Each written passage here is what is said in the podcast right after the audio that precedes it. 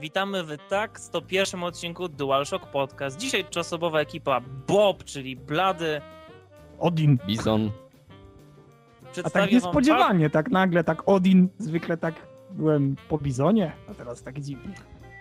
Widzisz, dzisiaj odcinek jest też dziwny z dwóch innych powodów. Po pierwsze, dzisiejszy odcinek jest dość zgrabny w formie, albowiem mamy tylko trzy małe newsy. Jakie? Otóż CD Projekt jego konferencja 30 maja. Później nowości w Call of Duty Black Ops 2. Czy Treyarch nas czymś zaskoczy? A na koniec sekcji newsowej XCOM Enemy Unknown, czyli całkiem zacna gra zbliża się do naszych konsol. A na sam koniec temat odcinka, czyli PSX, wspomnienia, porównania i czemu wolałem Nintendo 64. Zapraszamy.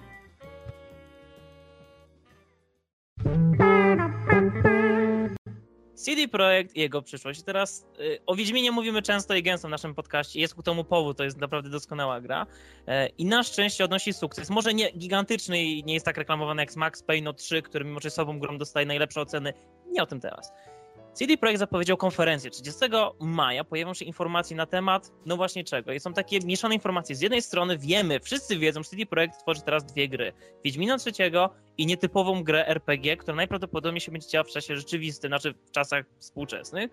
A jednocześnie unikają jakichkolwiek wypowiedzi na temat tego, czym będą te gry, jak będą wyglądały i jakby wszystko się sprowadza do tego, ta konferencja musi być silna. Po prostu musi, bo już przyszedł teraz czas, żeby podsumować wyniki sprzedaży Enhanced Edition, żeby zapowiedzieć nowego Wiedźmina, e, ale też są plotki, że wcale Wiedźmina trzeciego teraz nie będzie, tylko się pojawi zapowiedź dodatku do dwójki. Jak myślicie, na co mamy teraz większą szansę? Czy na ten dodatek dwójkowy, czy na tą Wiedźmina trójskowatość?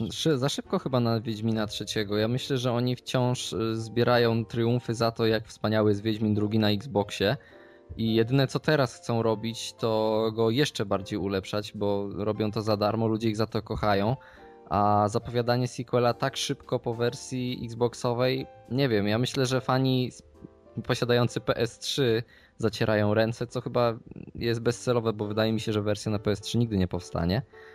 Ale mm, Zastanawiam się jeszcze, czy ta konferencja ma coś, jest coś powiązane z E3, czy CD Projekt się w ogóle nie pojawia na E3, bo ja tego nie wiem, a no wydaje mi się, że tydzień później jest E3, więc dziwne by było, gdyby chcieli coś w związku z E3 pokazać i pokazaliby to tydzień wcześniej. Może zapowiedzą teaser, który będzie trailerem na pokazie zapowiedzi. tak. Nie, ja myślę, że jeśli chodzi o mm, powstanie Wiedźmina drugiego na PlayStation 3, to CD Projekt od samego początku nie wykluczał tego, aby, aby ta gra powstała na tą konsolę, tak więc nie możemy być tutaj pewni, że, że ona w ogóle nie zostanie na nią wydana. A jeśli chodzi o dodatek, myślę, że rzeczywiście po pierwsze jest za wcześnie na jakiekolwiek dodatki, po drugie CD Projekt Red ma już to do siebie, że wydawał bardzo dużo rzeczy za darmo. Jeśli oni teraz chcieliby, aby wydać e, ten jakiś dodatek już odpłatnie, to myślę, że nadszarpną trochę swoją opinię właśnie takiego całkowicie innego dewelopera na rynku. Widzisz, takiego, okay. który, który jest kompletnie oderwany od tego stylu e, eksploatowania graczy, dlatego że CD Projekt Red tak naprawdę dzisiaj już może nie jest uważany za, za dewelopera indie, tak jak myśleli o nim Amerykanie, ale na pewno jest uważany za kogoś e, równie wielkiego jak ci najwięksi gracze na rynku. I myślę, że oni teraz mają powiedziałbym, najlepsze możliwe warunki do tego, aby wprowadzić jakąś inną markę, jakieś nowe IP na rynek, albo właśnie zaanonsować, iż będzie powstawał Wiedźmin 2 na PlayStation 3, dlatego że znając ich, oni są e, całkowicie zdolni do tego, żeby to zrobić i z tego co ja wiem, E, nie wykluczali od samego początku, iż Wiedźmin 2 może powstać na PlayStation 3, więc być może trwają na to prace. Przecież sportowali pierwszego Wiedźmina na Maki, więc czemu teraz nie miałoby się pojawić to na PlayStation 3? Może? Ja, to, ja trochę sprostuję teraz tego, co oboje powiedzieliście. E, po pierwsze, CD Projekt powiedział, że już nie będzie darmowych dodatków do Wiedźmina, ale nie powiedział, że nie będzie płatnych dodatków, bo oni powiedzieli, że przez to, że teraz jest na Xboxie, to Microsoft od nich wymaga, żeby dodatki były płatne i powiedzieli, że aha, w takim razie, jeżeli będziemy robili jeszcze dodatki do Wiedźmina, to one będą w stylu takich dużych expansion pack, jak były do Baldura, czyli taka zupełnie oddzielna historia, za którą warto jest wyłożyć pieniądze. ja właśnie myślę, że teraz jest dobry czas właśnie teraz wypuścić, bo oni bardzo długo nie chcieli wypuszczać żadnych dodatków na wersję PC-tową, no bo się zbliżała ta Enhanced Edition na Xbox, a teraz mają jakby dwie platformy, na których śmiga Wiedźmin. Minęło trochę czasu od premiery Xboxowej, kto miał już pewnie kupił. Więc jeżeli teraz zapowiedzą, słuchajcie, równocześnie na PC te Xboxy wychodzi teraz mega historia nowa dla Geralta do dwójki, to ludzie zrobią ile za to chcecie? A oni powiedzą, a skromne 560 punktów, a my wtedy wow, jaka to wspaniała cena CD Projekt, dziękujemy ci za to. Także myślę, że myślisz, że oni mieli czas w ogóle? Myślę, tak? że nie. Ja myślę, że jest ogromny okres czasu, w którym yy, oni dopiero zmieniali silnik na potrzeby Xboxa i w tamtym czasie grupa kreatywnych od gameplayu mogła już wtedy siekać yy, expansion dla wersji PC-owej. Nie mogli go wypuścić, bo jakby założeniem wersji Enhanced Edition to będzie to, że nie będą mm, gracze konsolowi jakby ograniczeni tego, co jest na PC-tach, więc oni chcieli jakby doprowadzić do wspólnej wersji, obie platformy, doprowadzili teraz, jest na to samo na PC co na Xboxie. I teraz mogą rozbudowywać, więc ja myślę, że oni mogli mieć od jakiegoś czasu już e, coś, tym bardziej, że jakieś 7 chyba miesięcy temu, czy jakby świeżo po wyjściu jedynki na PC, znaczy dwójki na PC-ta, wyciekła informacja, że oni już zaczęli pracę nad trójką wtedy i że fabuła tam się będzie rozgrywana na południu i że Geralt będzie teraz stawiał na walkę grupową mieczami, e, właśnie z wieloma bohaterami, że będzie rozwój postaci oparty, że nie tylko będą twoje wybory zmieniały e, questy, ale że questy będą uzależnione od tego, jakie skille sobie rozwijamy, czyli czy jesteśmy szermierzami, alchemikami czy magikami, więc e, to były plotki swego czasu i mi to brzmi ciekawie. A druga rzecz, tak jakby zawiązując pomału, to co mówisz właśnie, to drugie IP, CD Projekt już teraz zatrudnia ludzi na swojej stronie, nawet chciałem złożyć aplikację, ale mi przeszło zapraszają właśnie do pracy w swoim zespole na stanowisko Quest i Level Designer chyba do jakiejś właśnie gry RPG w Modern Times i nawet jest ikonka pistoletu, więc ja myślę, RPG z bronią palną może być ciekawe. Dobrze. Może im coś wyjdzie, coś takiego, co nie będzie wyglądało jak połowa gier, które w dzisiejszych czasach możemy kupić. No ale przecież teraz wszystkie RPG to są smoki i elfy, nie? Więc jeżeli oni wypuszczą RPG, wiesz, mroczne w dzisiejszych czasach, jakieś uliczki i tak dalej, przecież to będzie poezją.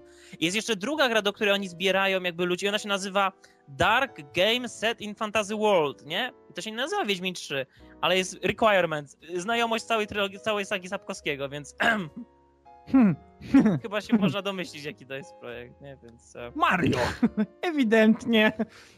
Po prostu. E, I jeszcze oprócz, bo mówimy o tym Wiedźminie, Wiedźminie, jeszcze oprócz tego są jakieś zapowiedzi dotyczące Goga, jakichś nowych promocji i ich dalszego rozwoju historii z Optimusem. No ale to, to chyba właśnie tego czas... należałoby się spodziewać po tej konferencji, bo myślę, że jeżeli oni chcą się czymś pochwalić, to największy boom zostawią sobie na E3, bo Wiedźmin jest na tyle znany i na tyle ceniony już teraz, że myślę, że mała konferencja CD Projektu nie jest tak znacząca dla nich, nie jest dla nich tak dobra pod względem promocyjnym jak wielki boom na E3, więc ale zobacz, ten projekt cały czas pokazuje, że oni nie są tymi złymi, zimnymi gośćmi z branży, które wszystko sprowadzają do, wiesz, do, do pieniążków jak EA, Ubisoft i tak dalej. Więc oni właśnie może zrobią takie, że no, pewnie byśmy mogli pokazać na E3, ale zobaczcie, pokazujemy to w naszym zameczku. Nie. Ja myślę, że jeśli oni będą coś ogłaszać, to bardzo wstępnie, bardziej badać grunt, dlatego że ich załoga na Gogu ma ręce pełne roboty tak naprawdę i ilość rzeczy, którą oni starają się wprowadzać jest aktualnie priorytetem. E, jeśli będą pracowali nad jakąś nową grą, to jeśli w ogóle zaczynają pracę nad nową grą, to myślę, że na pewno nie będą od razu ogłaszać, że w ogóle zaczynają, dlatego że tak się po prostu nie robi. Kiedy zaczynasz pracę nad grą, to może się zdarzyć bardzo wiele rzeczy i ostatecznie możesz jej nie skończyć, możesz ją porzucić albo sprzedać do niej prawa. Zresztą rozwój takiej gry trwa latami, więc wiecie, zobaczymy, ale na pewno to jest bardzo ciekawe, no i miejmy nadzieję, że pokażą nam coś, na co wszyscy czekamy. Dobra, w takim razie wszyscy czekają. Ta konferencja jest tego dnia, kiedy wychodzi ten podcast, więc jeżeli ktoś go teraz słucha, a wie, że w tle leci konferencja, niech natychmiast pauzuje tę audycję, czy wideo audycję i niech będzie oglądać ten stream z audycji CD Projekt. Ja czekam i ja jestem optymistą, ja wierzę, że pokażą Wiedźmina trzeciego, pokażą rozwój, połączenie ze Steamem, Goga, pokażą po prostu ekspansję i Polska będzie, no nie wiem, nieważne. E, następny temat dobrze i przechodzimy do drugiego tematu, którym jest Call of Duty na koniach, więc jeśli ktoś jeszcze wcześniej nie wiedział, to mamy najnowsze, zbliżające się Call of Duty Black Ops 2 i będą tam konie i będą tam high-tech experience i bardzo dużo nowości, w ogóle wirtuozerii, jeśli chodzi o wyposażenie. Będziemy się czuć jak w sci-fi właściwie, ale będą też konie, więc spokojnie, równowaga została zachowana. Tylko ja się boję, że w kwestii konia będzie to wyglądać mniej więcej tak jak pościg na motorze z Black Ops 1. Tak, dokładnie, który, no nie? To będzie taki pościg. Który był po prostu... Tylko tyle. Nie wspominajmy, ale to, co było dobre w Black Ops, to, co jakby Treyarch oderwał od y, reszty Call of Duty, to było to, że w końcu skupił się bardziej na postaciach niż na tych konfliktach pomiędzy krajami i dzięki temu ciekawiej się na to patrzyło, ciekawiej się w to grało i ja po raz pierwszy w Black Ops poczułem, że rzeczywiście angażuję się w historię w trakcie grania w jakiekolwiek Call of Duty. No tak, no bo w Black Opsie mieliśmy ogólnie chyba jedną z bardziej ciekawych, bardziej zawiłych historii. Ja myślę, że bardzo wiele osób, że tam na samym początku mieliśmy to wszystko tak wyjaśnione, tak jakby rzeczywiście były dwie, dwie postacie, główne dwie postacie. Na samym końcu jest wielka ekspozycja, nie która mów. nam stara się wyjaśnić, co tak naprawdę miało miejsce. Ale nie mów. I myślę, że to było spowodowane tym, że bardzo wielu graczy po prostu by nie zrozumiało tego bardzo fajnego zamysłu, który mieli twórcy. I to rzeczywiście było jedno z tych najbardziej takich ambitnych Call of Duty, które miało miejsce w ogóle wszędzie, gdziekolwiek do tej pory, bo było naprawdę fajnie zrobione i rzeczywiście masz rację, że koncentrowało się na głównym bohaterze. Mieliśmy zupełnie inne ujęcia, mieliśmy przecież to przesłuchanie, e, w którym dowiadywaliśmy się różnych rzeczy, w międzyczasie byliśmy kopani prądem i tak dalej. To było naprawdę coś zupełnie innego, w to się fajnie grało, to było bardzo krótkie, i szczerze powiedziawszy, jeśli spojrzymy na pierwszą grę i teraz spojrzymy jak wygląda druga, to to jest, to jest tylko i wyłącznie powiązane tytułem. Przynajmniej tak mi się Ale wydaje. Wiesz, dlatego, pamiętaj Odin, nie ma żadnych skojarzeń. Mówimy o czymś, co, na co wykłada kasę Activision i na co nie wiem ile Treyarch miało czasu, bo nie wiem czy oni robili tą grę od Modern Warfare 3, czy oni od skończenia pierwszego Black Opsa już nad nią pracowali, ale koniec... Oni tak koniec końców wydaje mi się, że jakkolwiek wspaniale nie brzmi wywiad z panem, który nam opowiada o Black Ops 2, który mówi o tym otwartym świecie, e, o tym, że będziemy mogli przejmować kontrolę nad żołnierzami z widoku takiego strategicznego i że historia w ogóle będzie miała e, rozgałęzienia, że będziemy mogli na przykład jakąś postać zabić w pewnym momencie gry albo później. E, ja myślę, że to jest trochę przechwalanie się i trochę nie wyjdzie to jak zwykle, że będzie no Call of Duty miało być wspaniałe, wyszło jak zwykle.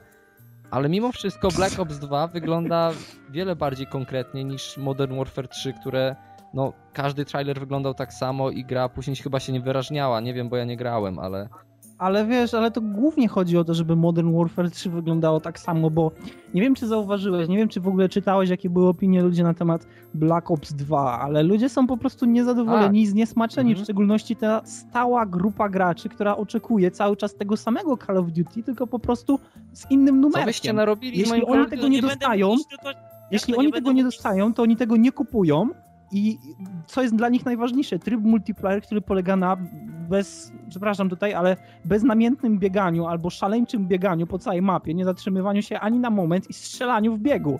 I to jest praktycznie cały czas ten multiplayer, który napędza tą grę, który jest dynamiczny, który nie ma żadnego pomyślunku w sobie.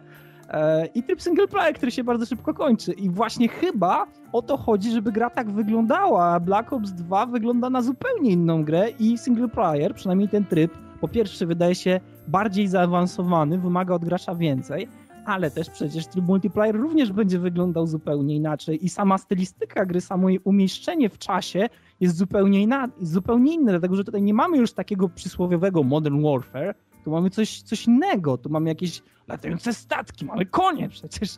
To jest zupełnie inny setting tej gry. Nie tylko ciekawi właśnie jaka będzie proporcja tego settingu na koniach do tego w przyszłości, bo jeżeli będzie jeżeli będzie przesyt tych wszystkich właśnie roborobotów, ja jestem ostatnim, który powie, że ewolucja w grach jest zła. Tak ja uwielbiam, jak, jak twórcy odchodzą jakby od takiej swojej bezpiecznej strefy i odważają się zrobić coś nowego. Metal Gear To samo miałem powiedzieć. Ale, i teraz e, pięknie, dziękuję wam za świetny przykład, ale też odejście zbyt daleko od materiału źródłowego sprawia, że ludzie się pytają, to co to ma wspólnego z poprzednią częścią? To jest schizofrenia, to nie jest odejście. Jest... No więc, no dobra, że będzie to jest schizofrenia. Tutaj mamy takie chwilowe zachwianie, tak, bo ogólnie oni nagle stwierdzili, że e, to, to, jest taki koń, taki dostawczy, który stwierdził, że chce brać udział w wyścigach, nie? I teraz nagle wrzucamy ile tylko możemy, ale ja tylko wątpię, czy Treyarch ma talent, bo oni teraz na pewno mają pieniądze, żeby zrobić tę grę. Zarobili na Black Opsie pierwszym, ale głównie dlatego, że to była kalka Modern Warfare z kilkoma świetnymi pomysłami i oddam, że poprowadzenie fabuły, jaka by ona nie była, poprowadzenie fabuły było bardzo dobre w Black Opsie. Ale jeżeli teraz na siłę wrzucają po prostu. Ja mam wrażenie, że oni siedli w pokoju, tak? Mieli przed sobą garnek z kasą i tak, co chcemy w grze? I zaczynają machać tą kasą i krzyczeć: roboty, psy, drony, Konie. sandbox, sandbox, zmienne zakończenia, trzy kolory, niebieskie, czerwone i zielone. Po prostu zaczęli krzyczeć pomysłami. I ja po prostu martwię się, czy oni będą w stanie deliver. Czy to nie będzie tak, że to będą rozgrzebane pomysły. Przykład: sterowanie oddziałem z lotu ptaka było już w pierwszym Black Opsie przez chwilę e, kiedy dowodziliśmy z powietrza, z tego Blackbirda chyba, Mhm. nadzorowaliśmy ten oddział, to była chwila, bo to wiedział, to oni mieli pomysł, ale nie mieli czasu, nie mieli talentu, żeby to dopracować. Więc y, teraz to ma być jakby na pełną skalę i ja chcę to zobaczyć. Jak on mówi, że można przejść na przykład całą misję w trybie tego nadzorcy bez bezpośredniego ingerowania w pole walki, no to jest poezja. No to Ilość jest... sprzedanych egzemplarzy spada, spada, spada. Ale wiesz co, ja myślę, że oni mają tak taki core, znaczy ja się dziwię ich decyzji, decyzji o zmianie multi. Gdyby zostawili multi jakie jest, to mieliby pewność, że wszystkie te fani Madena i wiadomo sześciopaków, bynajmniej nie chodzi mi o ćwiczenia fizyczne, co o piwo, oni na pewno by się rzucili na tę grę dla samego multi, a single by ich nie obchodził. A tymczasem ludzie, którzy pamiętają o co chodzi w Call of Duty, którzy pamiętają granie w Modern Warfare 1, kiedy to było coś świeżego, coś nowego, coś, co odważyło się odejść od klimatów drugowojennych, Przecież byli ludzie, którzy mówili, Call of Duty nie może być bez II wojny światowej. Jak to? Teraźniejszość nie o to chodzi w Call of Duty. Wtedy, kiedyś Infinity Ward pokazało, że można. Więc jeżeli teraz Treyarch się naprawdę odważy, że można odejść z tej współczesności do przyszłości, nie tracąc ducha serii, e, nigdy nie myślałem, że tak bardzo zaintryguje mnie Modern Warfare e, i myślę, że jak najbardziej powinniśmy trzymać kciuki, bo, bo, bo, bo jest fajnie. Ogólnie od jakiegoś czasu mam problem ze sobą taki, że nie mogę się przekonać do gier wolnych i do gier turowych. Tak jak kiedyś potrafiłem grać w turówki cały czas, tak teraz nie wiem, myślę, że ten pęd y, wszystkich nowych gier, tych, które się kończą po 4 godzinach, jakoś mnie ogranicza i sam sobie nie mogę pozwolić na to, żeby jednak przysiąść i w turach wszystko przemyśleć, ale kiedy zobaczyłem najnowsze filmiki z XCOM Enemy Unknown, to uznałem, że O. to jest gra turowa, którą ja chcę grać. I tak jak patrzę na filmik na przykład, jak bardzo na gameplay wpływa to, jak my budujemy bazę. Aki to tutaj pewnie umieści w tle w wersji wideo. Ja myślę, że takich gier nam potrzeba, bo ostatnio jest coraz mniej gier, które jednak angażują nas nie tylko w tą akcję, ale w to planowanie w to podejście do misji jeszcze zanim ona się rozpocznie. A właśnie to XCOM robi i to robi na takim poziomie, że ja bym w to już grał. Oj tak, przecież tak. Właśnie to było bardzo ciekawe, bo trzeba tutaj wyjaśnić, jak wyglądała historia XCOMa. XCOM rozpoczął swoją no, egzystencję bardzo krótką jako shooter FPS i, i rze- rzeczywiście Ale to Może nie jest zało- nie! Ja też zrobię ten sam błąd co ty, Odin. tak? To jest inny? Tak, to jest inny projekt. A, to ciekawe, to mamy w takim wypadku dwie gry, które traktują Tak, dwa samym uniwersum. teraz. O patrz, no to ja myślałem, że oni po prostu się ogarnęli i no nie, no to dobrze, to dobrze, że będziemy mieli dwa XCOMy. Okej, no to w takim wypadku skupiamy się na tym bardziej RTS-owym i ten RTS-owy wygląda naprawdę bardzo, bardzo fajnie. Mamy po pierwsze ujęcie, które znamy z Falloutów. Jeśli ktoś grał w Fallouty, no to będzie wiedział teraz o czym mowa, dlatego że mamy swoją drużynę, możemy nią zarządzać, każdy z nich będzie posiadał swoje własne perki. To jest genialna struktura, która już sprawdzała się wiele lat temu i zyskiwała ogromną popularność i repre... to na ile razy mogliśmy powtarzać Replayability! grę. Dokładnie, no ale brakuje mi polskiego słowa. To na ile razy mogliśmy powtarzać grę była po prostu fenomenalna i właśnie to świadczyło o sile tej gry, że kończyliśmy ją i zaczynaliśmy ją od nowa, dlatego że mogliśmy ją zagrać zupełnie Ale inaczej. wiesz, czego ja tu I jeszcze bym chciał? wygląda właśnie tak. Ja bym chciał, żeby Czego? każdy żołnierz, którego my na przykład rekrutujemy, żeby to była Nazywał się Mateusz Nie, Szczepan. żeby to była zupełnie oddzielna postać, którą my byśmy się na przykład przejmowali, kiedy ona ginęła. Ja pamiętam, że.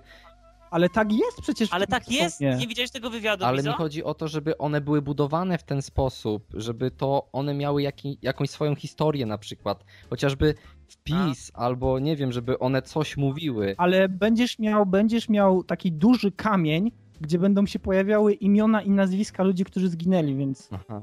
to na pewno będzie Nie, ja już widzę, Ale ja nawet, ja lubiłem jak kiedyś w grach, ale słuchaj, ja się potrafiłem przywiązywać do jednostek w Company of Heroes, tak? ale Więc- nie, ja widzę siebie e, tutaj- przy, tym, przy Canon Fodder, nie? I kiedy zginął mi Jols albo Jobs, to wtedy się restartowało Amigę, bo po prostu, no oni nie mogli zginąć, oni byli tylko kupą pikselków, ale to była ta dwójka, nie? Którą się miało od początku i to było takie smutne widzieć później Ale te to- krzyże. jedz Bizon, znaczy oni poniekąd też mówili, że będziesz tracił ludzi, tak, bo to jest wojna, będziesz tracił ludzi, ale też masz tyle stopnia rozwoju ekipy, bo nie powiedzieli, że w poprzedniej części, poprzedniej części tej, znaczy tej oryginalnej wersji, było tak, że mogłeś mieć 27 ludzi na misji, No tak, przesada. mogłeś. Ja, ja, ja, ja grałem w XCOMy te starsze, ja pamiętam jak to wyglądało. Przepraszam, że ci przerwę. To zaczynaliśmy właśnie od tej takiej solidnej czwórki, potem zaczynaliśmy wyna- wynajmować tych ludzi, było ich coraz więcej, coraz więcej i naprawdę niektóre misje po prostu zaczynały być komiczne, kiedy ja dwójką ludzi byłem już praktycznie przy samym końcu planszy, a dwójka jeszcze siedziała w statku, bo oni jeszcze nie wyszli, bo nie doszła ich tura. Tak więc to może taki ekstremalny przykład, ale mniej więcej e, bardzo dobrze, czyli mniej więcej to obrazuje to, co chcę powiedzieć, że bardzo dobrze zrobili, że będziemy mieli teraz od 4 do 6 ten, ten swój oddział. To jest bardzo dobre. Ale to są też od, oddział, w którym nam są naprawdę silnie sprecyzowane role, które możesz rozbudowywać o różne dodatkowe atrybuty, więc to jest Tak. o tyle fajniejsze. E, No i te perki będą mieli, to jest super, że rzeczywiście ten żołnierz, jak go potem już będziesz miał ze sobą, on będzie zyskiwał ten experience, bardzo ciężko go potem będzie zastąpić. ale ja nie więc- wiem, jak my mogliśmy pójść tak daleko w tej dyskusji i nie powiedzieć innego słowa. Baza! Baza, no No tak, Za- baza przepraszam, nie za mrówek. głośno. Teraz, przepraszam, w podcaście może nie mówimy tak głośno. Baza, tak, ale Bison baza- wspominał o bazie przecież, tylko nie rozwijał się, bo o tym można mówić i mówić, ale jeżeli ja mogę coś powiedzieć, to yy, czy mi się wydaje, czy, bo ja ten wywiad widziałem dwa dni temu, czy tam jest powiedziane, że kiedy my rozbudowujemy jedną część bazy, która odpowiada na przykład za dowództwo, to już blokuje się nam niejako drzewko rozwoju dlatego, żeby żołnierze się szkolili? Tak, ale tak było już w pierwszych X-komach, że albo wybierałeś tą drogę, albo Czyli nie wybierałeś możemy tą zrobić drogę, albo wybierałeś... uniwersalnej bazy w takim razie. Nie, nie możemy. Albo wybierasz Znaczy, ja reaktory zrozumiałem atomowe, inaczej. albo Ja wybierasz... tak- No mów, mów. że kolejność zmieniamy, że wybierasz jaki budynek, że na przykład po misji można wybrać, ja to tak zrozumiałem, że będzie jakby kolejność ważna, a nie to, że całkiem nas ogranicza rozwój. To znaczy, to, to mniej więcej wygląda w ten sposób, że jeśli zainwestujesz, dla przykładu, to akurat będzie w grze, bo byłem w stanie to sprawdzić kiedyś na jednym z portali, e, będziesz miał możliwość wyboru między reaktorami atomowymi. Jeśli dokonasz tego wyboru, to w tym momencie twoje fundusze na rozwój reaktorów w bazie zostały ucięte, albo możesz się wstrzymać z decyzją, mieć znacznie trudniej i e, ograniczyć sobie możliwość rozbudowy tej bazy, no bo w końcu z czegoś to musi być zasilane i ostatecznie zdobyć tą obcą technologię, opracować ją tak, aby móc wykorzystywać ją w swojej bazie i wtedy sobie tam zrobić te reaktory, które mają swoją własną nazwę i korzystając z tej energii obcej. I, I wtedy rzeczywiście jest tak, że albo zaczynasz od samego początku z reaktorem i masz więcej możliwości na starcie, albo czekasz. To jest taka strategiczna decyzja, no bo to też zależy od tego, jak gra się rozgrywa. To też jest bardzo ważne, że gra jest bardzo mocno losowa. To znaczy, że fabularnie ta gra tak naprawdę nie ma swojego zakotwiczenia. Obcy cały czas atakują Ziemię i my musimy odpowiadać na to, co się dzieje. Oni ją atakują losowo. Za każdym przejściem będą atakowali w inny sposób. I też jest system zaufania, czyli jeśli pomagamy na przykład Polsce, to Rosja nas nie lubi. Jeśli pomagamy Chinom, no to Amerykanie nas nie lubią i potem musimy balansować. Mamy taki, wiesz, trust system, jak na przykład z Double Agent. Ale widzisz, Tylko, że w Double Agent był prosty, ale, Ale- ale, wiecie o co Ale chodzi. widzisz, mówisz o strasznie zaawansowanych rzeczach i komuś się może wydawać, że to jest bardzo trudne i że interfejs jest taki wszechogarniający i nie można tego, wiesz, przysiadasz i w to grasz, a wydaje mi się, że po tych prezentacjach to wszystko wygląda dość prosto, na tyle prosto, że można w to Tak. grać nawet na konsolach i podobno można w to grać na konsolach wygodnie. Ale też Tak, tak, bo oni robią inter, inny tak, interfejs do ale też jest śmieszna sprawa, że z jednej strony mamy tą rozbudowę bazy, taką bardzo znaczącą dla naszego gameplayu, a z drugiej możemy robić rzeczy zupełnie nikomu niepotrzebne, czyli na przykład zamykać obcych, żeby oglądać jak oni się zachowują w zamknięciu w tej bazie, nie? Ale to, a, Bizon to wcale nie takie niepotrzebne. Już w pierwszych XCOMach mogłeś to robić i tam jesteś w stanie badać ich pod kątem nowych, e, tych, jak one się nazywają, weak points, cholera, znowu, brak Słabych punktów, słowa. tak? Czy to Słabych tak... punktów, tak, tak, więc wszystko ma tam naprawdę znaczenie i to jest właśnie fajne, że XCOM tak naprawdę, jeśli spojrzysz na niego tak, wiesz, first look, to on wydaje się całkiem dobrą grą, którą można normalnie grać, ale im dłużej przy nim siedzisz, tym więcej rzeczy się przed tobą odkrywa i to nie jest takie, że od razu się na ciebie rzuca i musisz mieć pełną wiedzę na temat tej gry. Tak było w poprzednich częściach, że jeśli chciałeś przeżyć na tych dalszych poziomach, to, to musiałeś po prostu się wdrążyć w tą grę, musiałeś się w nią wgrać. Tutaj ma być odwrotnie, tutaj ta gra ma być lekka, przyjemna, ale im więcej czasu jej poświęcisz, tym ona będzie cię więcej, że tak powiem, wiesz, obdarowywać takimi fajnymi scenkami, ułatwieniami, będziesz więcej rzeczy się dowiadywał i tak dalej, i tak dalej. To jest naprawdę bardzo fajne i gra wygląda w ogóle miło. Ja nie wiem, czy, czy też będziemy o tym mówić, ale prezentacja Oprawa. jest bardzo fajna. Mhm. I ona też ucina tak jakby właśnie ten poziom wysoki tej gry. Dlatego, że poziom będzie wysoki w miarę e, wzrostu tego, powiedzmy, skomplikowania, w miarę tego, jak będziesz się wdrażał, będzie o wiele więcej rzeczy, o których będziesz musiał pamiętać, ale graficznie ona się prezentuje po prostu miło. I, Ale wiesz, to, nie jest poziom. jest takie fajne wyważenie. Ale to nie jest poziom Old Republic, gdzie ona jest już tak kreskówkowa, że ty nie chcesz na nią patrzeć. Tylko ma taki Mhm. swój określony styl, którego się trzyma i który potrafi mimo kreskówkowości być dość mroczny i to jest fajne. Mi się podoba. No. Blady, Mi Blady też. ty żyjesz w ogóle, bo Nie, wyczerpaliście całkowicie nie, bo jestem w ogóle zadziwiony, że gra turowa, która jest ja mogę mówić. kilkunastu lat, e, mnie tak zaciekawiła, ale podobały mi się właśnie ich próby wprowadzenia tego w dzisiejsze czasy, powiedzmy, a jednocześnie zachowanie tego ducha przeszłości, czyli na przykład tryb Iron Man, w Tak. którym, w którym nie możemy sami saveować, kiedy na przykład gra nam przykład właśnie ten, co mówisz, Bizon, że o, resetowało się misje. Teraz jest trudniej niż za czasów Amigi. Szmato, bo teraz jeżeli ci zginie na misji kogoś, to gra automatycznie saveuje tą, tą, to zdarzenie i nie możesz tego cofnąć. Wracasz do bazy i go opłakujesz, stary. no bolące. Dobrze, no to ja zaraz zaraz powiem, tak? Mogę rozwijać dalej temat, bo jest bardzo dużo rzeczy, o których można powiedzieć.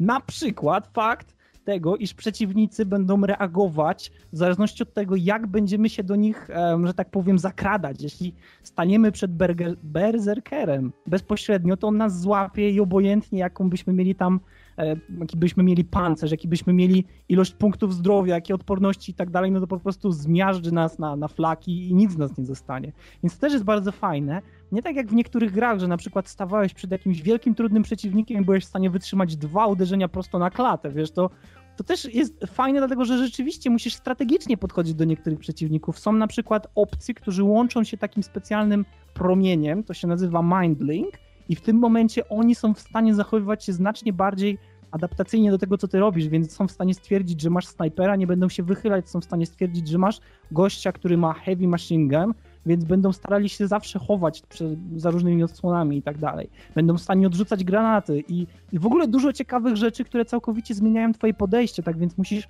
znacznie inaczej podchodzić do tego, jak gdybyś podchodził do zwykłej gry, gdzie przeciwnicy cały czas zachowują się w identyczny sposób, prawda? Tutaj w zależności od tego, ile ich jest, e, oni też mają swoje rangi na przykład, więc, więc jeśli mamy jednego, który jest wyższy rangą, to reszta zaczyna go słuchać i to też jest bardzo ciekawe wiedzieć, jak on im wydaje rozkazy. To jest naprawdę bardzo rozbudowana gra. No ale ja myślę, że tutaj też trudno by nam było w tym temacie opowiedzieć o wszystkich jej funkcjach i tak naprawdę trudno nam jest mówić ostatecznie jak to będzie wyglądać i Do want. no po prostu... Ja po prostu, ja siedzę i macham Tak, ja łapami wiem, teraz. że ja tobie chcę... tyle wystarcza i ja myślę, że my tutaj możemy przybić nasze mamy nadzieje i czekać po prostu Nie, nie, to nie, jest, to nie jest mała nadzieja. Ja mam pewność.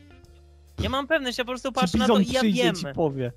Ja po prostu wiem, że to jest, to jest boskie, po prostu jest naprawdę świetna gra.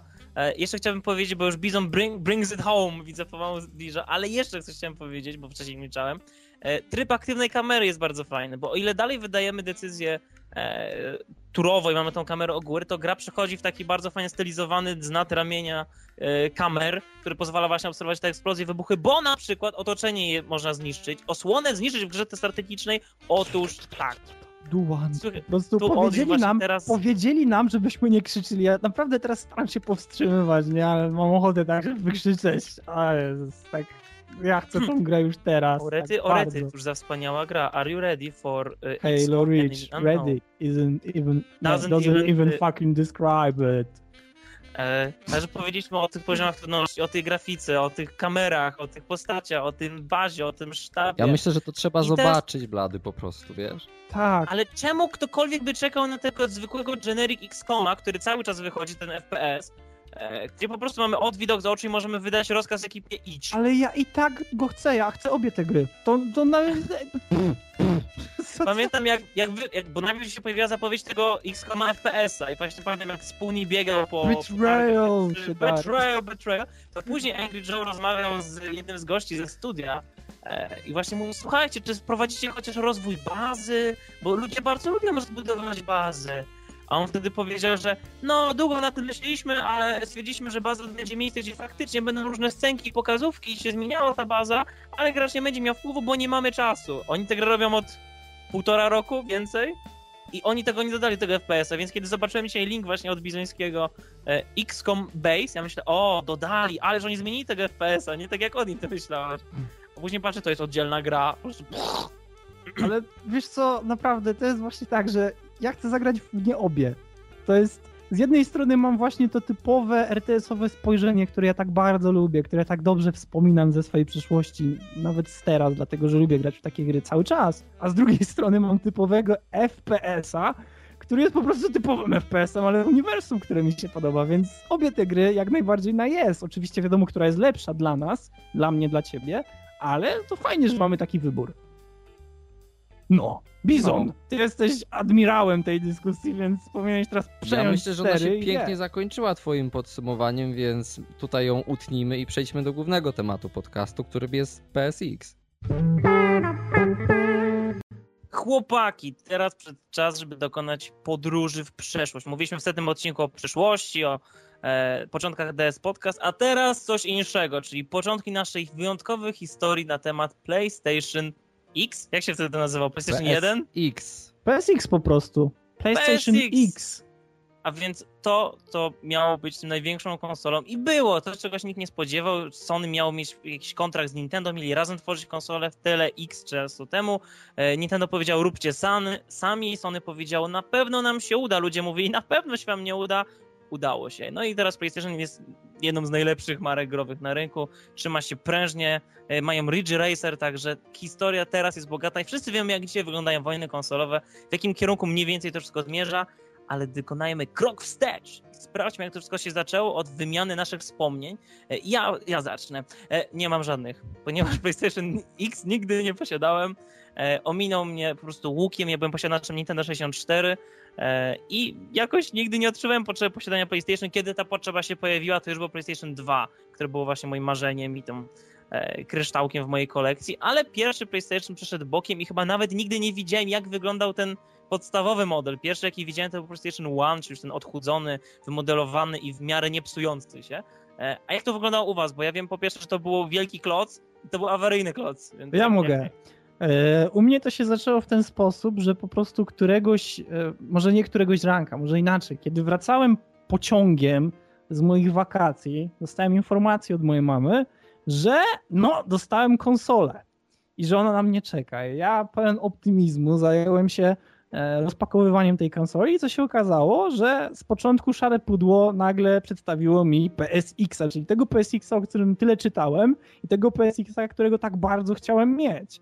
E, Pierwsza gra, jaką miałem, to był Cardinal Sin. To była moja jedna z pierwszych oryginalnych gier w ogóle, jaka się pojawiła na mojej konsoli. Gra, którą e, przechodziłem na wszelkie możliwe sposoby, naprawdę. Bo to tak jest zawsze, kiedy masz pierwszą konsolę i kiedy masz e, powiedzmy jedną albo dwie gry, no to grasz w Mhm. nie do upadłego. No i szczerze powiedziawszy, to po prostu były bardzo fajne, bardzo fajne wspomnienia. Zaczęło się to wszystko właśnie w ten sposób i rozwijało, dlatego że bardzo dużo moich znajomych również w tym czasie dostawało konsolę albo wkrótce później też je miało i, i później przychodziliśmy do siebie, graliśmy między sobą, tak się nawiązywały większe przyjaźni. E, No naprawdę świetne, świetne wspomnienia. Nie wiem jak u Bizona, ale szczerze powiedziawszy, ja, ja wspominam to rewelacyjnie i myślę, że dzięki temu właśnie poznałem tyle też fajnych ludzi na swojej drodze życia. Znaczy ja miałem tą przyjemność obcować z masą gier na PlayStation, Ma- bo Masz- Co? Ma, kiedyś już to chyba mówiłem, ale moja kuzynka wygrała PlayStation w konkursie telewizyjnym i na zasadzie wygrała PlayStation i dwuroczną prenumeratę PlayStation Magazine, w którym za każdym razem co miesiąc dawali płytę z demami, więc ja rzadko kiedy grałem w gry pełne, ale miałem ogrom gier, które mogłem powiedzieć tak grałem w to, bo grałem w masę dem. mas, co? Ale chyba to, co najbardziej utkwiło w pamięci, to był demo disk dołączony do samej konsoli. O E, tak. Nazywał się on Demo One. Wiem, że Demo tam- 1, Demo 2 i Demo 3 było, Tak. o ile dobrze kojarzę. Ale nie wiem, co było na innych demodiskach, ale na Demo One były rzeczy typu Gran Turismo, Tekken 3, Medieval, Spyro, Crash Bandicoot 3. W to wszystko można było zagrać, mając tylko i wyłącznie ten jeden dysk. I to były naprawdę dema. Ja pamiętam, że tam było też demo gry, która chyba nazywała się Tombi. I to demo przechodziło się 3 godziny, dwie, naprawdę. To były ogromne dema. No i w dziale wideo był osławiony trailer Metal Gear Solid, ten, który zrobił takie ogromne wrażenie na wszystkich, więc to była idealna płyta. Ja miałem właśnie to szczęście, że e, to była pierwsza konsola 3D, na której ja grałem i jako, że moja kuzynka często u mnie bywała, przywoziła tą konsolę za każdym razem z nowymi demodyskami, bo przez dwa lata co miesiąc miała nowe demodyski. o ja- jać. Chłonąłem to wszystko, przyjmowałem te wszystkie gry i no to był świetny okres i zawsze chciałem mieć e, PSX-a, ale podobnie jak Blady, to było już w momencie, kiedy PlayStation 2 już podchodziło powoli, już powoli gdzieś tam było zapowiadane, ale w momencie, kiedy ja chciałem kupić PlayStation 2, tak naprawdę bardziej potrzebowałem no, solidnego peceta i po prostu wtedy kupiłem peceta. To trochę smutne, ale jeżeli chodzi o doświadczenie z grami, to myślę, że jestem dość doświadczony. No, no to u mnie, jeśli chodzi o demodiski, to szczerze powiedziawszy, ja dzięki Michałowi dowiedziałem się o tym, że, że istnieje coś takiego jak Metal Gear Solid, dlatego że to on do mnie przyszedł i to on przedstawił mi w ogóle metala na tym demodisku, bo ja kiedy po raz pierwszy w niego grałem, to wydawało mi się, że to jest po prostu kiepska gra, która nie ma nic do zaoferowania. Takie były moje pierwsze wrażenia. Ja głównie zagrywałem się Grzesznik. ale naprawdę, tak, takie były moje pierwsze wrażenia. Głównie zagrywałem się w Spyro, to pierwsze, Mm. na demodisku. Też Grałem, demodisk. bar- grałem bardzo często w Cool Borders, jeśli ktoś kojarzy. To chyba była druga wersja Cool Borders, więc już pierwsza ponoć była, albo to była pierwsza, nie wiem. Wiem, że było ich nawet cztery, więc, więc sporo się ich narobiło na PSX-ie. E, I ogólnie demodiski wspominam najlepiej, dlatego że to były jedne z właśnie najciekawszych gier, jakie można było w ogóle dostać. Ja pamiętam Ape Escape, jeśli ktoś w ogóle kojarzy tą grę. Oj, Tak. Ona Też była genialna. demo, ale to demo pozwalało ci korzystać praktycznie z połowy gadżetów dostępnych w Tak, tej grze. tak, tak. Ona była tak rozbudowana, jeśli właśnie chodzi o tą demo. Powiem ci E, tak, wersję- Odin, dzisiaj gry wychodzą krótsze i mniej rozbudowane niż to demo Ape Escape. Tak, tak, oczywiście. Ale ogólnie to de, te demo, demo diski przedstawiały po prostu najlepsze gry, które były na tej konsoli i to były chyba jedne z najlepiej przedstawionych, czy jedne z najlepiej zrealizowanych kampanii marketingowych, bo nie było nic lepszego dla twojego kumpla, który na przykład nie miał konsoli. Jak on wpadał do ciebie, pytał się, co to jest, ty mu pokazywałeś parę tych nagrań, które tam było w formie wideo, albo parę gierek, które było na konsoli, on po prostu robił wielkie oczy pełne niedowierzania, bo, bo takich rzeczy po prostu się nie robiło. To były jedne z najciekawszych gier, jedne z najbardziej rozbudowanych, jedne z pomysłem, dlatego że to też było bardzo fajne, bo przecież Ape Escape to była gra, która nie przypominała niczego, co, co do tej pory ja grałem. Ale wiesz, Bo- Odin, ja na początku, jak włączyłem w ogóle demo Ape Escape, to jest ciekawa sytuacja, ja nie wiedziałem o co chodzi w tej grze, bo nigdy w życiu bym nie pomyślał, że drugim analogiem operuje się tymi gadżetami. Nigdy, po prostu nie dotykałem drugiej gałki, nie wiedziałem co, do czego ona ma służyć i biegałem tak po świecie tej gry i nie potrafiłem przejść pierwszego poziomu i dopiero po jakimś czasie otworzyłem ten PlayStation Magazine i zobaczyłem, że druga gałka rzeczywiście funkcjonuje, bo to była jedna Ale z pierwszych a, gier, które wymagały gałek. Właśnie chciałem zapytać o te gałki, bo ja wiem, że najpierw kiedy pad wyszedł, gałek nie posiadał on. Mhm. I to było tak, że były gry, które po prostu mówiły wprost, że, wprost, że sorry, nie pograsz sobie na tym, Nie, co tak. nie, nie, nie. Były nie. naklejki, ale były naklejki, na przykład na Ape Escape była na pudełku wiadomość, że wymaga DualShocka jednak, że potrzebujesz mieć gałek, żeby w to grać, bo nie było innego sposobu, żeby w to grać. To szczerze powiedziawszy, jak ja pamiętam pudełko po, de, po, po Ape, a Boże, pudełko po Ape Escape, to tam nie było żadnej takiej wzmianki o tym, że musisz mieć DualShocki.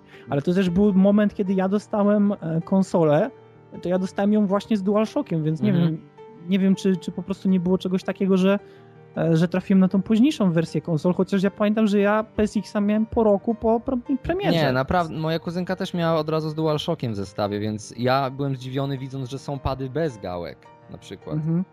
bo też kontakt z konsolą był utrudniony z tego względu, że mało kto w moim otoczeniu miał PSX-a. To y, raczej ludzie mieli jeszcze wtedy, w moim otoczeniu raczej wszyscy mieli jeszcze, nie wiem, Super Nintendo, gdzieś się zdarzało, y, Sega jak już, ale no już jak ktoś miał PSX-a, to już był gość, nie? Bo już wtedy gry 3D, ktoś rzucał hasło Crash Bandicoot, a wszyscy wow. A ktoś rzucał hasło Tekken 3 i ludzie po prostu robili wielkie oczy, Boże, to jest najlepsza i najpiękniejsza gra, jaką w życiu widziałem. No. Ja nie wiem, czy ty tak miałeś, ale my z kolegami nie potrafiliśmy uwierzyć, że Tekken 3 wygląda tak ładnie.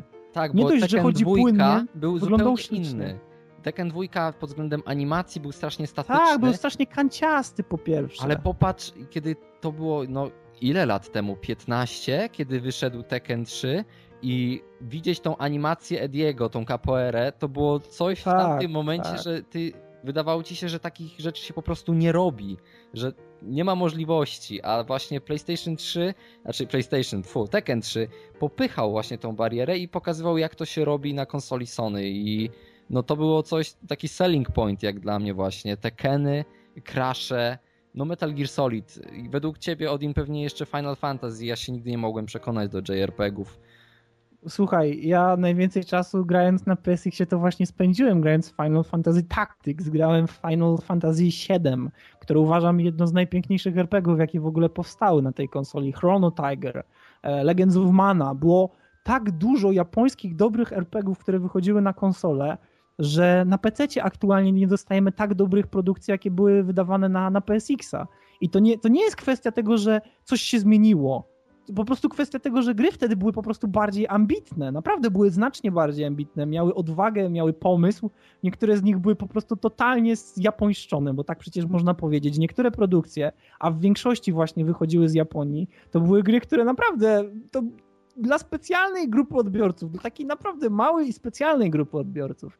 Ale, ale ogólnie PSX przyciągał tak dużo ludzi do siebie, że przecież pierwsze zloty, jakie ja doświadczałem w swoim życiu, to właśnie były zloty PSX-owe organizowane przez PSX Extreme. To jeszcze stare, z, kiedy był Ściera, kiedy, kiedy był Norbi i tak dalej, i tak dalej. Ale widzisz, PSX otwierał też według mnie zupełnie nową erę gier 3D, jeżeli chodzi o gry na przykład y, skateboardowe, snowboardowe i tak. to był właśnie ten okres, kiedy pojawił się ten nurt gier, na których na przykład gdzieś się jeździło i robiło triki. Ale też soundtracki Bizon, wiesz, to też, no, to też no to, był ogromny no, mieliśmy nośnik w końcu, mieliśmy nośnik, tak. dzięki któremu mogliśmy w końcu usłyszeć audio takie, jakim ono powinno być, no i w końcu Ja pamiętam pierwszy soundtrack z wideo.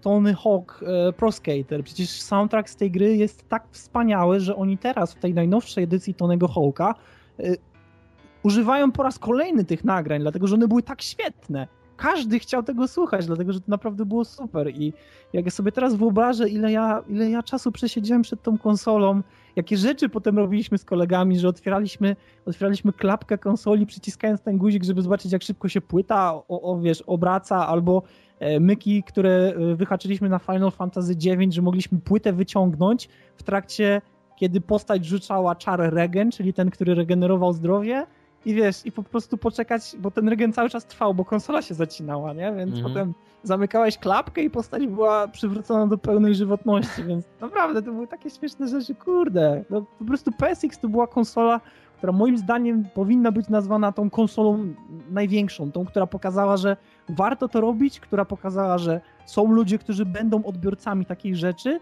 i też, że świat rozwija się wokół tej konsoli, że to nie jest tak, że konsola definiuje wszystko, to ludzie chcą potem na przykład przebierać się za postaci z gier, to ludzie chcą organizować larpy, czyli wiesz, na przykład udawać, y, od, odgrywać Metal Gear Solid, nie? Gdzieś tam w lasach albo w jakichś ruinach. Przecież tyle rzeczy narodziło się wokół MGS-a dzięki, dzięki konsoli, że, że naprawdę ciężko jest zawrzeć w słowach y, tą wdzięczność, którą ja mam do Sony, że ono w ogóle zrobiło coś takiego jak PSX. Co jeżeli teraz mówimy o kulturze, to ja mogę też powiedzieć, bo ogólnie słuszna uwaga, właśnie to od Sony się zaczęła ta E, ta zmiana w takim pojęciu ludzi o, gry, o grach, bo jeżeli e, się miało to Nintendo 64, tak jak ja wtedy, to gry jeszcze były na kartridżach i jednak wtedy jakby było takie pojęcie, że Nintendo, bo wszyscy pamiętali czym jest Nintendo, Pegasusa, pamiętali Mario, ale jakby sam fakt właśnie, że ta marka była taka nie...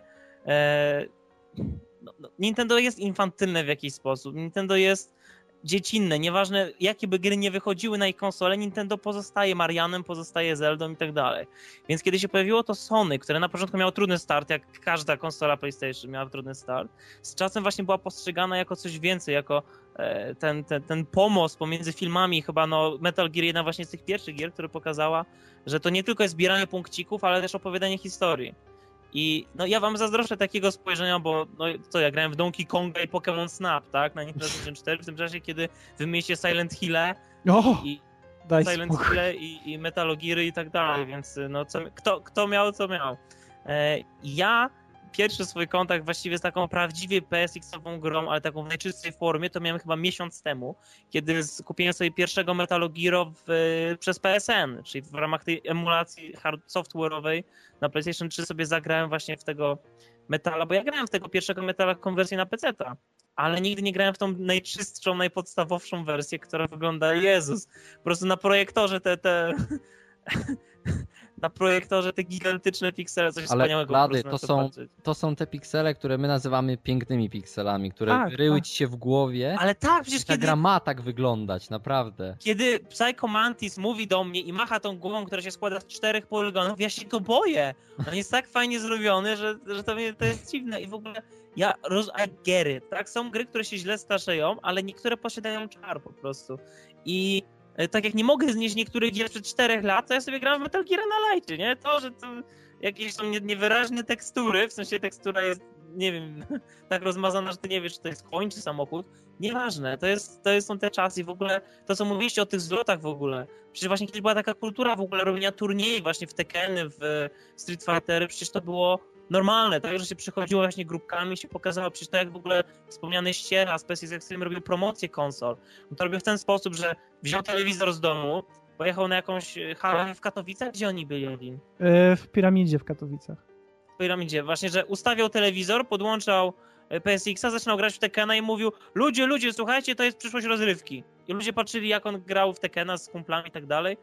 I ludzie mówili, o, gra telewizyjna, nie? I tak dalej, i tak dalej. I to docierało do świadomości ludzi, docierało właśnie do ich postrzegania świata, co jest też fajne. I pamiętam moment, w którym sprzedałem swoje Nintendo 64 tylko po to, żeby sobie za te pieniądze kupić Game Boy Advanced. I to był błąd. Trzeba Tak, to, albo to był błąd. to był błąd, trzeba było albo pozostać wiernym Nintendo 64 po prostu wyczekać tych y, lepszych gier, bo na przykład u mnie było nieosiągalne zupełnie y, Ocarina of Time, bo ta gra schodziła od razu wszędzie. E, Była A też nieosiągalna. chyba ciężko było gry kupić w tamtych czasach w Polsce. Tak, ja, ja miałem właśnie, ja, był tak zwany Electrometal, czyli sklep w Koszalinie, który był jeden, który miał gry na Nintendo 64 i oni sprowadzali jakieś naprawdę syfy. Ja musiałem chyba miesiąc czekać na Pokémon Snap. Także to było Ale tragiczne. czekaj, I... mówisz, że grałeś w syfy, ale czekałeś miesiąc na snap, znaczy myślałeś, że będzie dobry? Był, to była bardzo dobra gra. Ja ci wiem. powiem, Anyway. jak, jak większość jagier zdobywałem w Katowicach, były trzy sklepy, gdzie mogłeś kupować gry, które były w horrendalnych cenach. Albo mogłeś iść na rynek katowicki i szukać ludzi, którzy po prostu sprzedawali swoje używane wersje. I to była większa część gier, którą ja posiadałem. Ale w ogóle ja zacząłem właśnie w tym elektrometalu taką tradycję, że przy wejściu ludzie wieszali ogłoszenia właśnie, sprzedam, kupię, bo inaczej się nie dało po prostu, inaczej Tak, nie dało się tego skoczyć. Gry kosztowały 220 zł w tamtych czasach, przecież to była kupa pieniędzy. No, A kto- teraz ile kosztują? No tak, ale wtedy, słuchaj, wtedy pieniądz miał No większą wiem. wartość nabywczą. No to No, wtedy ja jak- tylko, ja wyłącznie wymieniałem, przecież ja byłem dzieciem będąc wtedy i nie było opcji, ale właśnie PlayStation to jeszcze jako tako, no i nie oszukujmy, były piraty na PlayStation, tak? Były te... O Jezus, jest, patrz! rynek piracki na PlayStation to był w ogóle. Ludzie y, często nie wiedzieli, że istnieje coś takiego jak rynek gier oryginalnych, bo Tak, mi też kolega mówił właśnie, że on miał PlayStation i on wszystkie gry miał na tych, na, na piratach i jak ja mu powiedziałem, yy, o ten, zapytałem właśnie z Metal Gearem chyba, jak, skąd miał numer do Meryl na pudełku, to na mnie spojrzał jak na chorego, nie jakim pudełku po prostu, przecież mam Ale. Cornell ci mówi po jakimś czasie, gdzie masz Nie mówi. nie mówi, Mówi. nigdy. On mówi, mówi. żebyś zobaczył na pudełku. Nie, mówi po jakimś czasie. Nie mówi nigdy. Mówi! Nawet w wersji na PlayStation, tej, którą ja mam teraz, i nie mam instrukcji z oczywistych No to powodów, ktoś to jest, mówi na pewno. to, na jest, to pewno mam ktoś informację, że w instrukcji do gry tej online jest informacja To znaczy tak, bo nikt- y, oczywiście masz, masz napisane z tyłu na pudełku. Nawet jakbym teraz spojrzał, to masz tam napisane. I nawet jest zdjęcie twarzy Meryl. No bo to jest rozmawiał. właśnie po to. No tak, tak, ale wydaje mi się, to znaczy jest ale, ma- ale Odin, on kolor specjalnie nikt w grze nie mówi numeru, bo to jest takie sprawdzenie antypirackie. Właśnie Cholera, po to, czy no to ludzie mają Czemu grę. mi się kojarzy, że ktoś coś mi mówił a, a propos tego numeru? No bo oni mówią, sprawdź numer na pudełku. Dobra, nieważne. Tak czy inaczej. Anyway, e, piractwo. Na Nintendo 64 nie było w ogóle piractwa, bo nikt tych kartridży nie umiał podrabiać fizycznie po prostu. Ale wiesz co, były, były, to znaczy pojawiło się na Nintendo Koszalinie, tak? 64 taki specjalny kadridż, w którego potem wpinałeś takie inne. Ja coś takiego widziałem, ale tylko w internecie, nigdy na żywo. Ale jeśli chodzi o, o konsolę PSX, to warto też powiedzieć, że bardzo dużo PSX-ów było sprzedawanych jako wersje już premodyfikowane, czyli Mhm. takie, które już były zmodyfikowane specjalnie pod wersje pirackie, dlatego że w Polsce po prostu cena tych gier była tak zawrotna, że nikogo nie było na nie stać. Dlatego ja się bardzo cieszyłem, że moja kuzynka miała dostęp do dem, bo to otwierało możliwości, zamykało mi możliwość grania w pełne gry, ale nie wiem, mnie cieszyły te dema, bo tak jak mówię, bywały dema bardziej rozbudowane od dzisiejszych gier i taki demo disk to nie był, nie wiem, pamiętam też, że CD Action miało też bardzo duże demo diski do, play, do PC-ów, ale nawet to nie ogarniało tak dużo materiału, jak było upychane często na demo diskach od no od PSX-a, więc yy, Mhm. ja tak nie cierpiałem, jeżeli chodzi o przypływ gier, nie? Ale też pamiętasz tą muzyczkę, kiedy włączałeś PSX-a, to była jedna z najpiękniejszych muzyczek, którą ja pamiętam. Ale naprawdę... to był taki, taki, taka muzyka, to była muzyka, to był taki odkrywczy dżingiel, taki metaliczny, syczący. A nie wiem, czy wiesz, że w tamtym momencie już Sony planowało, aby wprowadzić w tych nowszych konsolach, nie wiem, czy DLC. zostało to w ogóle wprowadzone, ale w tych nowszych konsolach wprowadzić e, sytuację, w której muzyczka się zmieniała w zależności od tego, w ile, gier, ile gier miałeś wgranych na, na No to- pamięci to ko- jest, e, karty. No ale Nie, to przenieśli do memory PS2. Po, tak, że wieże ci rosną Mhm. i że ich ilość się zwiększa. Przybywa. Tak, tak. ale Jakie właśnie- wieże? No. Jak A? włączasz PS2, to masz te wieże takie ci się pojawiają na tym czarnym tle i wtedy zjeżdża ci ekran w dół, jest takie przejście. Je- Nie? Jeżeli masz wpiętą memorkę, to PlayStation 2 z memory card odczytuje ilość gier, w jakie grałeś i długość. I na tej podstawie tworzy ci na ekranie takie ogromne srebrne wieże. Przecież ja mam PlayStation 2 od kilku lat.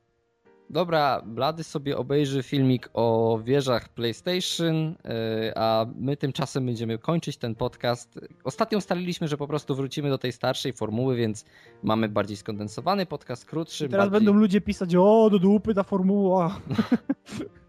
Nie, ale też y, przed zakończeniem po prostu powiedzcie, jak wam się podoba coś takiego, bo jednak wróciliśmy do starej formuły. Może wam się będzie teraz lepiej nas słuchało, może nam będzie się lepiej pracowało. No dajcie znać i przejdźmy już do zakończenia.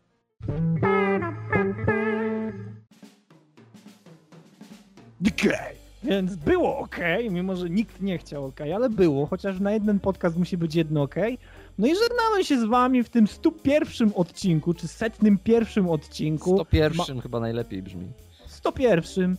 E, Nam się miło nagrywało, nie wiem jak wam. Ja grałem w Epic Combo Redux i osiągnąłem poziom 80 tysięcy combo. Blady grał w Bizona, którym skakał do góry i uderzał w gumowe misie, tak więc znaleźliście swoje Burrito, miejsce. gra się nazywa Burrito Bison Revenge. Jest E, boss. Moja się nazywa Epic Combo Redux. Bizon w nic nie grał. Nie, to Bizon było reżyserował. Bizon dziś reżyserował podcast. Dokładnie. Tak czy inaczej, zapraszamy was na kolejny odcinek, no i żegnamy się z wami. Na razie z tej strony Odin Bizon. Blady. i Pararapapa. パパッパ